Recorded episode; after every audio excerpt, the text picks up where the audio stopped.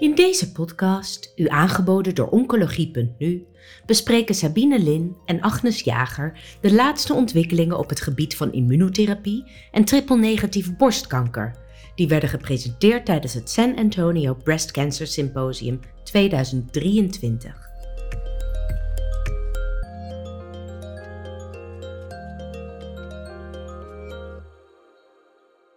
Goedemiddag, dames en heren. Um, hier uh, nog weer een nieuw bericht van San Antonio 2023. En dat uh, gaan we doen uh, samen met Sabine Lin, internist-oncoloog uit het AVL NKI.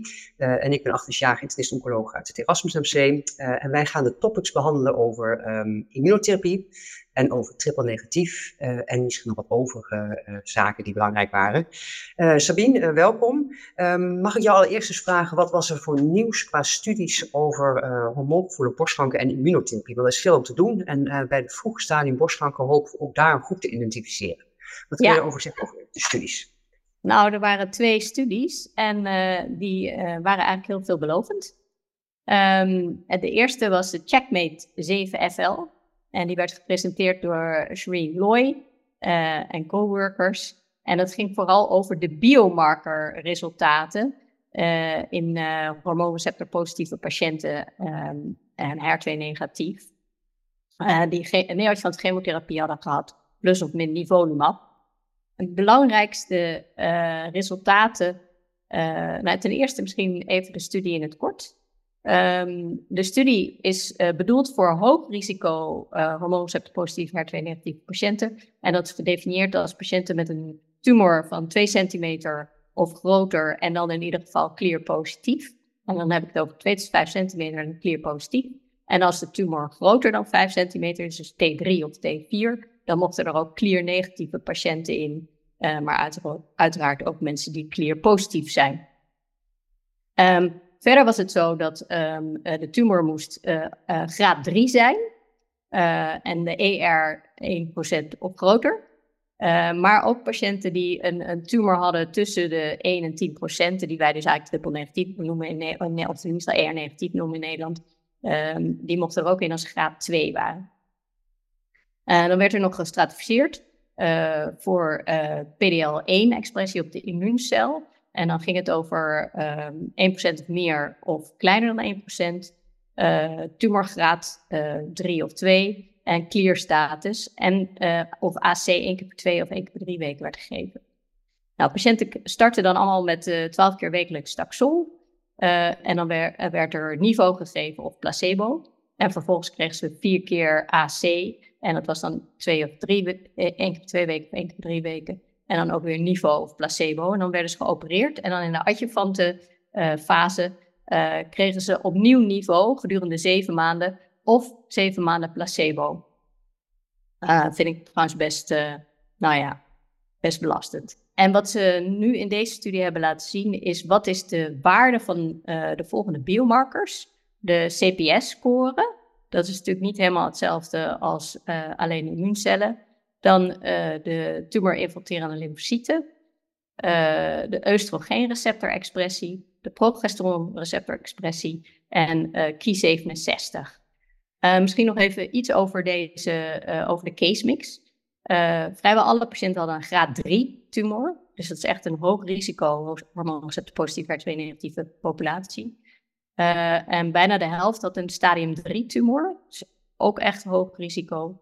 Uh, en 80% waren, hadden clear positieve ziekte. Nou, toen hebben ze eerst gekeken naar de PDL1-expressie. Um, ehm, uh, op basis van SP142. Uh, eh, en dat is namelijk het, de marker die gebruikt is in de studie zelf. en wat belangrijk is om te weten is dat SP142 is eigenlijk de minst sensitieve kleuring voor PDL1. Er is een nieuwere kleuring en dat is met 28,8 antilichaam. En die kleuring is eigenlijk veel gevoeliger. Dat hebben ze eigenlijk vergeleken. Uh, uh, als je zeg maar 1% of meer volgens SP142 hebt, waar zit je dan ongeveer met CPS? En dat lijkt ongeveer bij 5 te zijn, bij een cut-off van 5, met die 28,8. En ze willen eigenlijk naar die 28,8 toe als, als uh, companion diagnostic. Um, En wat ze dan vinden eigenlijk in de studie is dat vanaf een CPS-score gebaseerd op die 28 immunohistochemie uh, van drie of meer, dan heb je eigenlijk de beste, uh, het beste effect van niveau. Maar het is een beetje verwarrend, want ze, ze zeggen dan eerder, ja, eigenlijk met lager is het ook wel goed. maar in de conclusie zeggen ze uiteindelijk dat de CPS groter of gelijk aan vijf de beste uitkomsten heeft. maar eigenlijk scheelt het niet zoveel. Het is zo dat je met niveau um, heb je dan een PCR van rond de 50% en met placebo rond de 25% met deze cut-off. Eh, ja, Sabine, want er eh, was al aangetoond dat die PCR was hoger lag. En dat was ongeveer zo'n 10% eh, bij toevoeging van nivolumab. Zowel in neoadjuvant setting en dan ook niet gerandomiseerd in tweede, tweede randomisatie adjuvant. Ook gewoon klakloos nivolumab adjuvant. Uh, en we hebben nog geen lange termijnsprognose. Maar wat ik wel interessant in deze studie vond, is dat ze, ze gingen natuurlijk heel erg kijken waar doet het wel goed. Maar ik ging omgekeerd redeneren, waar doet het het niet goed. Hè? Want je verwacht natuurlijk dat het merendeel het niet goed doet. En ja, dat kwamen ze echt toch wel, vond ik, eh, tot een behoorlijke subgroep uh, die het echt niet goed deden. Ja, klopt. Uh, ja. ja, eigenlijk uh, als je kijkt naar de, naar de beste cut-off, die ze dan zelf aandragen van... Ik, ik, bedoel eigenlijk met name die subgroep, hè? want ze hadden naar CPS gekeken en CPS onder de 1. Ja, dat was gewoon echt, dat, dat, dat, dat was geen goede respons. Dat nee, die doen het niet goed. Ja, ja ER boven de 50 deed het ook niet goed. En PR boven de 10 deed het ook niet goed. En de TILS onder de 1 ook niet. En als je naar die groep keek, was dat wel zo'n zo'n 65%. Dus twee op de drie die al alleen op basis van dit soort, nou ja, relatief simpele maten zou kunnen denken van ja, die mensen moeten misschien in ieder geval geen immunotherapie geven. Is toch veel te vroeg, hè? Überhaupt moeten we nog kijken. PCR een PFS-verschil, of een EFS-verschil oplevert. Maar dat vond ik wel aardig aan deze studie. Ja, ik, ik denk dat, dat de groep waar uiteindelijk de winst gaat zitten, als je kijkt over uh, uh, checkpoint-remmers bij hormoonreceptor positief HER2 negatief, uh, dan gaat het alleen om de heel hoog risico hormoonreceptor positief HER2 negatief. Dus eigenlijk alleen de graad 3's. Um, en dan um, waarschijnlijk ook vooral de patiënten die clear positief zijn. En dan gaat het om de groep die hormoonreceptor expressie heeft van kleiner of gelijk aan 50% progesteronreceptor negatief is uh, en een, een, een, een, een PDL1-expressie heeft uh, volgens het 28.8 van, ja, ik denk eigenlijk 5% hoger. En dan hou je eigenlijk een hele kleine groep over. Ja, dus nou goed, deze dus, studie bevestigt heel veel van die dingen, behalve die, die uh, biologische maten. Die hebben ze in deze studie, uh, tenminste, ik, ik kan me niet herinneren dat ze dat ook hebben getoond. Maar wel al die ER, die PR, die, die uh, CPS-score en in dit geval dan de TILS die ze meenamen. Nee, de Ki67 hebben ze nog een marker die ook getest werd in deze studie. En daar maakt, die maakt helemaal niks uit. Daar heb je helemaal niks aan om een, om een groep te selecteren. Dus uiteindelijk, uiteindelijk gaat het om een hele kleine subgroep. En eerlijk gezegd, wij deden mee aan de, aan de studie hier in het Antonie van Leeuwenhoek. En we hebben volgens mij bijna niemand kunnen vinden. Dus het is, het is, een, het is, een, uh, het is een hele kleine, uh, groep patiënten. Vooral die graad 3 is, komt eigenlijk heel weinig voor. En ook die ER kleiner dan 50% komt heel weinig voor. Ja, uh, en als we naar die keynote 756-studie dan toch maar gaan, want die was alleen in graad 3, die had niet die graad 2 groep meegenomen van O'Shaughnessy. Ja. Kun je daar nog iets over zeggen? Want die hebben ook gekeken naar, in dit geval pembrolizumab toegevoegd aan neoadjuvante chemotherapie bij hoog risico ER-positieve tumoren, inderdaad ja. gaat... Dat is precies hetzelfde, dat is precies hetzelfde design. Ja, ja klopt. Ja. En ook die hadden natuurlijk uh, uh, resultaten getoond met, met biomarkeronderzoek. Ja, um, in feite, zij hebben ook opnieuw gekeken naar die uh, uh, CPS-score. Ehm, en daar laten ze eigenlijk zien dat onder de 1, die CPS-score onder de 1, uh, eh, dat daar het verschil eigenlijk verwaarloosbaar is. en dat het interessant begint te worden bij een CPS-score van 1 of hoger. En dan is het verschil in PCR is ongeveer 10% bij 1 of hoger. En als je 10 als cut-off zou nemen, dan gaat het verschil naar 13%. En als je 20% als cut-off van die CPS neemt, dan gaat het ongeveer naar nou ja, 15, nou ja, 17% verschil in PCR. Eh, dus eigenlijk is daar ook eigenlijk wel duidelijk dat hoe, hoe meer PDL1-expressie je hebt, hoe zinniger het is om het te geven.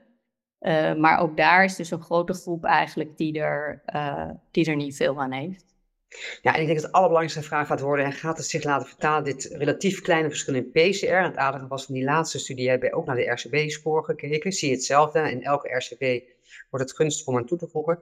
Eh, dus je krijgt meer RCB 0 en 1 en iets minder RCB 2 en 3. Maar gaat dat zich vertalen in een, een, ja, een EFS-winst die klinisch significant wordt? En ja, daar, daar is echt het wachten op, want ja, die, daar is allemaal niks van over bekend, denk ik. Nee, ik ben ook heel benieuwd of dat, wat, hoe dat eruit gaat zien. Want uh, eigenlijk ook in deze groep is de PCR eigenlijk niet zo'n heel goed gaat eindpunt. Dus, uh, maar misschien dat het in deze heel hoog risicogroep wel weer anders is. Want die zag misschien meer gedraagd eigenlijk als een basal-like tumor. Oké, dan gaan we nu eigenlijk uh, naar de, de triple-negatieve studies. En ja, laten we even bij de adjuvant, neo-adjuvant setting blijven. ja, dat ehm, waren... Ja, vertel. Ja, dat, was ehm, wel wat nieuws. Uh, er was een update van de Keynote 222 en twee uh, andere studies. De Alexandra-studie, die Impassion um, uh, 030-studie. Dat was de studie. Het was wel een belangrijke vraag nog steeds. Of je in adjuvante setting meerwaarde hebt van immunotherapie. In dit geval was het de Impassion trial, dus atezolizumab. en daar hebben ze gekeken onder triple negatieve hele grote aantallen, stadium 2, 3 of na neoadjuvante chemotherapie en operatie het zinvol zou zijn om atezolizumab adjuvant te geven versus dat niet te doen. Um, en ja, die, die studie is eigenlijk uh, negatief. Hè? Die laat een hazard ratio zien in een invasive disease free survival van 1,12. Nou, daar hoeven we niet helemaal over na te denken, die is negatief. En dat is eigenlijk wel conform wat we zien natuurlijk bij andere studies. Uh, melanoma staat denk ik het belangrijkste voorbeeld van dat het adjuvant geven als die tumor al weg is uh, ja, de gedachte natuurlijk dat je minder neoantigenen hebt en dus ook minder reactie daarop. Uh, ja, dit is een belangrijke studie in die zin dat die gewoon heel erg negatief is, dat we dat echt niet moeten doen. Misschien is het preluderend op, moeten we nou wel of niet pembrolizumab, als het straks hopelijk uh, gegeven mag worden, zinvol in adjuvante setting na neoadjuvant. Misschien kunnen we daar iets over leren. Um, maar ja, ik vrees dat er toch uiteindelijk wel een studie voor, nodig, no voor nodig gaat zijn of adjuvant na neoadjuvant immunotherapie zinvol is. Weet niet hoe jij er kijkt. Ja, ik denk eigenlijk dat de grootste winst van die uh, checkpoint remmers is in de neoadjuvant setting. En eigenlijk is überhaupt de vraag of het nog zinnig is om in de adjuvant setting wat te geven. Uh, ook onder andere omdat, zeker bij die hoogrisicopatiënten, je ook altijd de lymfeklieren bestraalt. In ieder geval de locatie van de lymfeklieren. En er zijn steeds meer aanwijzingen dat als je die bestraalt, waar de immuunrespons uiteindelijk ook gebrouwd wordt, zeg maar, gemaakt wordt, dat, dat je dan helemaal geen effect meer hebt van je uh, checkpoint remmers. Dus ik denk inderdaad in de adjuvant setting, na adjuvante bestraling, is het zinloos. Um, en eigenlijk denk ik ook dat als de tumor weg is, wat jij ook al zei, uh, ja, dat überhaupt de vraag is wat het nog toevoegt. Dus ik denk, die, die studies die, die moeten gedaan worden, die worden deels ook al gedaan. Uh, waarbij gerandomiseerd wordt tussen niet of wel doorgaan. Ja, maar misschien is het goed om even de, de, de Keynote 5.2 update te zeggen. Want dat is natuurlijk een studie die zowel neo-adjuvant als ook adjuvant geeft zonder een tweede randomisatie. Wat eeuwig zonde ja. is, denk ik. Ja. Um, en nou, de studie kent denk ik iedereen. Dat is in triple negatieve, uh, ons standaard schema uh, chemotherapie plus of min pembrolizumab in neo-adjuvante setting. Waarbij we al weten dat dat een duidelijke grote kans op een PCR geeft, maar ook een duidelijke invasive disease-free survival winst geeft. Uh, waarbij we nu uh, in Nederland in ieder geval ernstig te kamp hebben met het feit dat die Pascal-criteria aangepast zijn, zodat het met een hazard ratio um, van 0,63 uh, net niet daaraan voldoet. Maar dat was een update. dat was eigenlijk het belangrijkste nieuws, dat het nog een langere follow-up geeft. en hierna wat subgroepanalyses. De mediane survival follow-up is nu 63 maanden.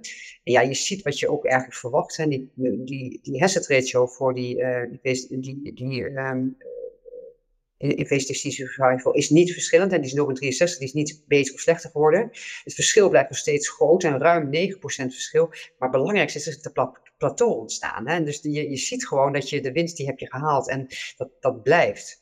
Het probleem is dat die hersenratio natuurlijk nog steeds net te klein is om dat in Nederland goed te keuren. Dan hebben ze allerlei subgroepanalyses gedaan. En ja, ik ben benieuwd hoe jij daarover denkt. Ze hebben tussen stadium 2 en 3 gekeken. Ze hebben tussen N0 en N1 gekeken. En wat je ziet is, als je, als je dat doet, dat bij stadium 2, dat we dan net aan de goede criteria voldoen. 0,59 hersenratio en stadium 3 net niet. En, en 0 wel, 0,56 en 1 net niet. En de vraag is natuurlijk of we nou in Nederland het zo willen gaan doen dat we dan straks de mensen waarvan je denkt, ja, daar moet je het dan misschien niet doen, hè, bij de N0 en de, en de stadium 2's, maar juist wel bij de stadium 3's en de, en de N+'en. Daar komt het dan net niet uit. Maar als we dan uh, eventueel wel gebruik mogen gaan maken van de subgroepen, dan komen we daar wel op uit. Het voelt zo uh, contra-intuïtief dat je denkt, uh, moeten we niet opnieuw kijken in, in dit soort individuele gevallen, waarbij er ook een plateau ontstaat, of we toch niet een ratio van 0,63 op moeten accepteren. Nou ja, dat. En ik denk wat ook heel erg relevant wel is bij deze update, is dat als je kijkt naar de uh, distant recurrence, dus hè, uitzaaiing op afstand, uh, en het verschil tussen uh, Pembro of placebo, dan is dat 5%.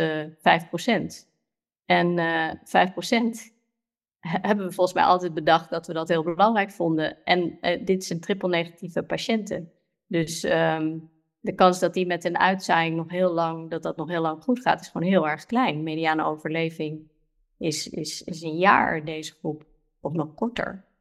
Dus ja, ik, ik, ik, ik denk dat het, ja, ik vind het heel lastig, moet ik zeggen. Uh, um, en ik denk, nou ja, goed, dat moeten we met z'n allen nog een keer moeten we naar, goed naar deze data kijken. En ook nadenken over of we patiënten niet tekort aan het doen zijn op een gegeven moment. Um, en het liefst zou ik, ja, het liefst zou ik dan willen dat we dat in een soort Nederlandse studie gaan doen, waarbij we ook een randomisatie invoeren voor dat adjuvant wel of niet. Want daar vraag ik me dus af, waar ben je mee bezig? En misschien zou je sowieso bij de PCR moeten stoppen bij iedereen. En, en, en dan misschien bij de residual disease zou je dan zou moeten loten. Dat, dat lijkt mij ja, dat zou ideaal zijn wat mij betreft. Ja, ik noemde het al eerder in een andere podcast, maar ik denk dat het zo ongelooflijk belangrijk is daar waar we twijfel hebben of het nog wel voldoende is. Dan kunnen we nu heel erg lang gaan wachten op die OS-data, waardoor we ja, Nederland ontzettende schade aan gaan doen, omdat we ook geen studies meer naar Nederland kunnen trekken, maar ook die patiënten tekort doen, hè, die gewoon naar het buitenland gaan om daar een behandeling uh, te ondergaan. Of je toch niet kunt kijken dat je voor die groep uh, toch toegankelijk maakt binnen studie. En dus dat je, dat je een soort voorwaardelijke toelating krijgt binnen die ja. studie zodat je er meteen van leert uh, dat die mensen wel aan die middelen te kunnen komen. Dat die, die doelmatigheidsvragen natuurlijk het meest prangend is. En ja, waarom, waarom gaan we ons daar niet keihard voor maken? Dan hebben we in ieder geval die toegankelijkheid en we leren er ook nog van. En we kunnen het in Nederland. Dus ja, dat, dat is ook, deze, is zo'n zo'n Pembro neoadjuvant is dat niet dat echt zo goed opgapelt.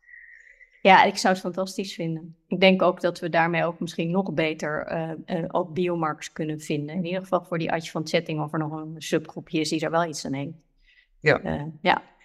Nou, er was nog één andere kleine uh, noemen. Er was een uh, neo-end-studie. Die had gekeken of je een lead-in, of je een kortdurende expositie van, in dit geval uh, nivolumab, of dat van meerwaarde zou kunnen zijn nadat je dan uh, neoadjuvant verder behandelt met chemotherapie in combinatie met een checkpoint inhibitor.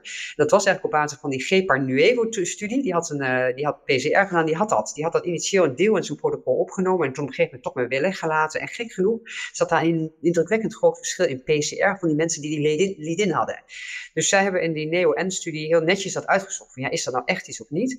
Dus dat hebben ze vergeleken met, dus wel een lead-in met soorten met lead-out. Want die werd dan uh, na de neoadjuvante combinatie met uh, een checkpoint inhibitor toegediend voor uh, de operatie. En ja, wat eruit komt is dat er eigenlijk helemaal geen verschil is. Dus ja, dat was toch een soort, in die G-Parnuevo waarschijnlijk een soort flaw bij kleine aantallen. maar deze studie toont denk ik netjes aan, het is wel een gerandomiseerde fase 2, maar ik denk niet dat dat nu is iets waar we ontzettend op moeten focussen, op dat kortdurende deel. Dus dat eigenlijk de immunotherapie. Uh, dan wilde ik nog uh, ja, ietsje verder nog met de immunotherapie in een gemeenschapsgerichte setting. Um, um, de, de Key Link studie. En wat die eigenlijk deed, is kunnen we nou kijken naar als mensen niet progrediëren op pembrolizumab, carbapetin met gemcitabine. Of je dan de combinatie kunt doorzetten versus pembrolizumab combineren met olaparib. Bij de idee uh, dat um, distinct path weer aangezet wordt, waardoor uiteindelijk uh, de combinatie van ook een, uh, een, gecombineerd met pembrolizumab zou kunnen werken. Um, en ja, dat is natuurlijk uiteindelijk ook minder toxisch. Um, kun jij iets meer vertellen over de studie en de, en, de resultaten van die Keeling-studie?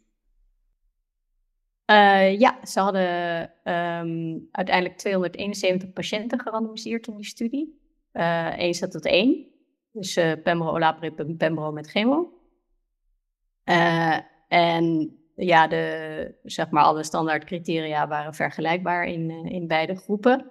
Uh, 20% ongeveer had een uh, BRCA-mutatie in, in, de beide armen.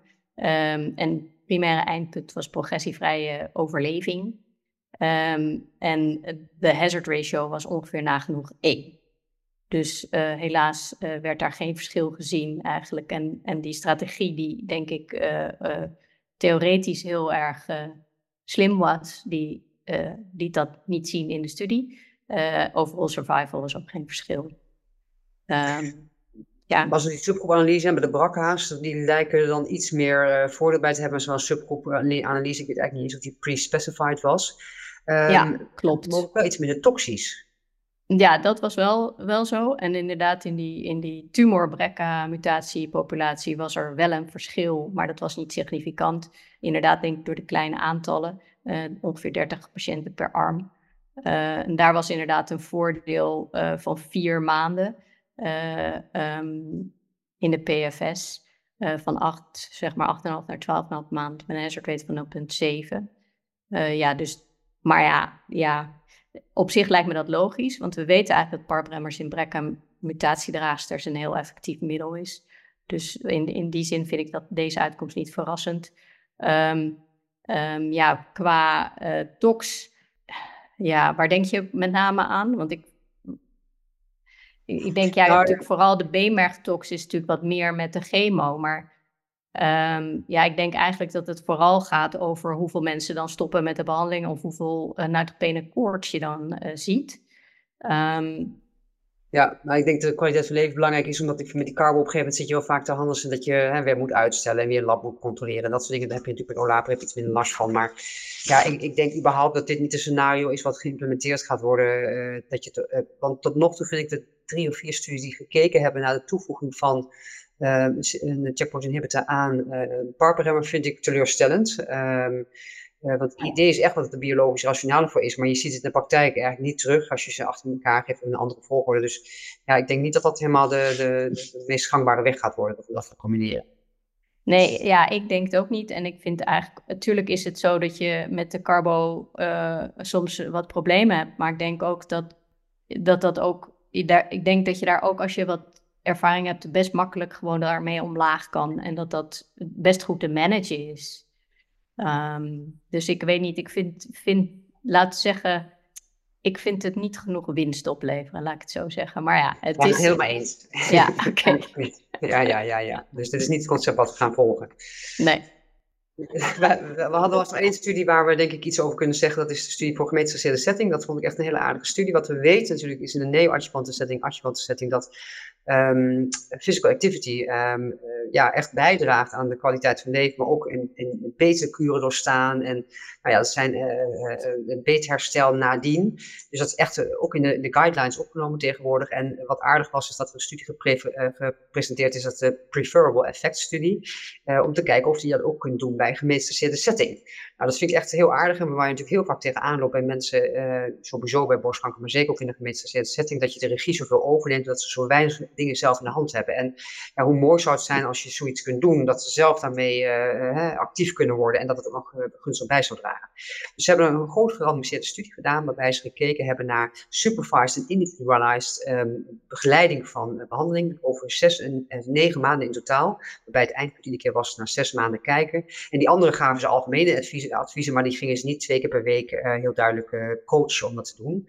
En hebben ze in het primaire eindpunt gekeken naar cancer-related uh, physical um, fatigue uh, en uh, health-related quality of life. Dus beide best wel belangrijke zaken. En uiteindelijk hadden ze in 350 mensen hebben ze dat uitgezocht. En um, wat allereerst vind ik belangrijk is om te zeggen, is dat de tendency, dus de, de, de, mensen die gewoon het hebben gedaan, is 77%. Wat ik echt fantastisch goed vind voor die populatie. Dat kennen we natuurlijk wel van gemeentesziekten, dat ze enorm gemotiveerd zijn.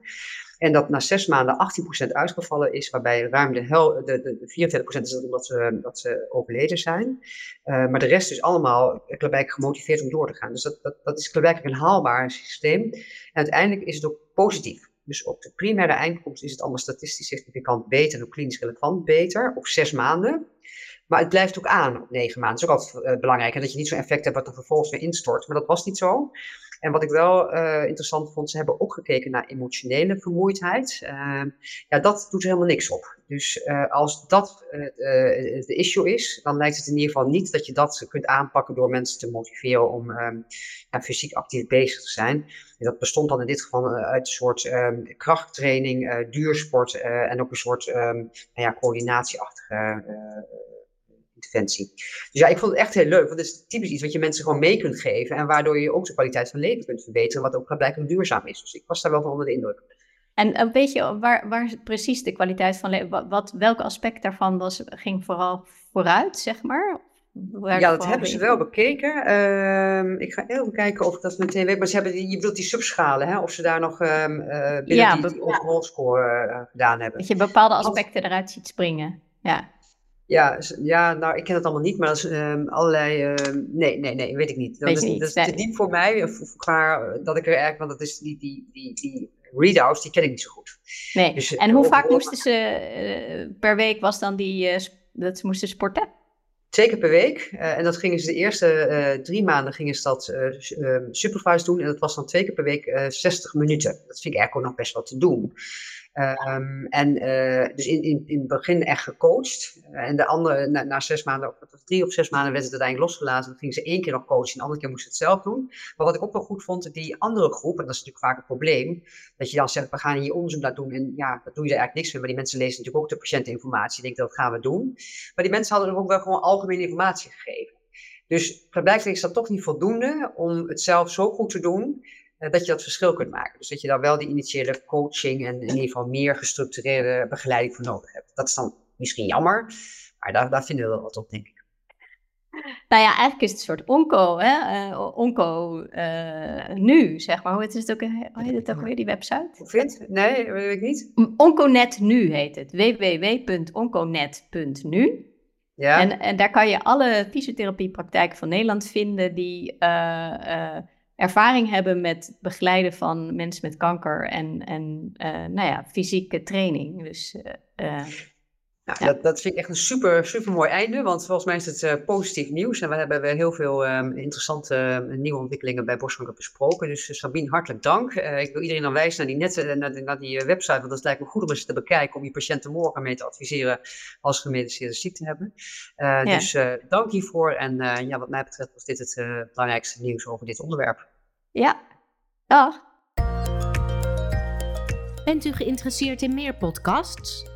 Deze zijn te vinden op de website oncologie.nu.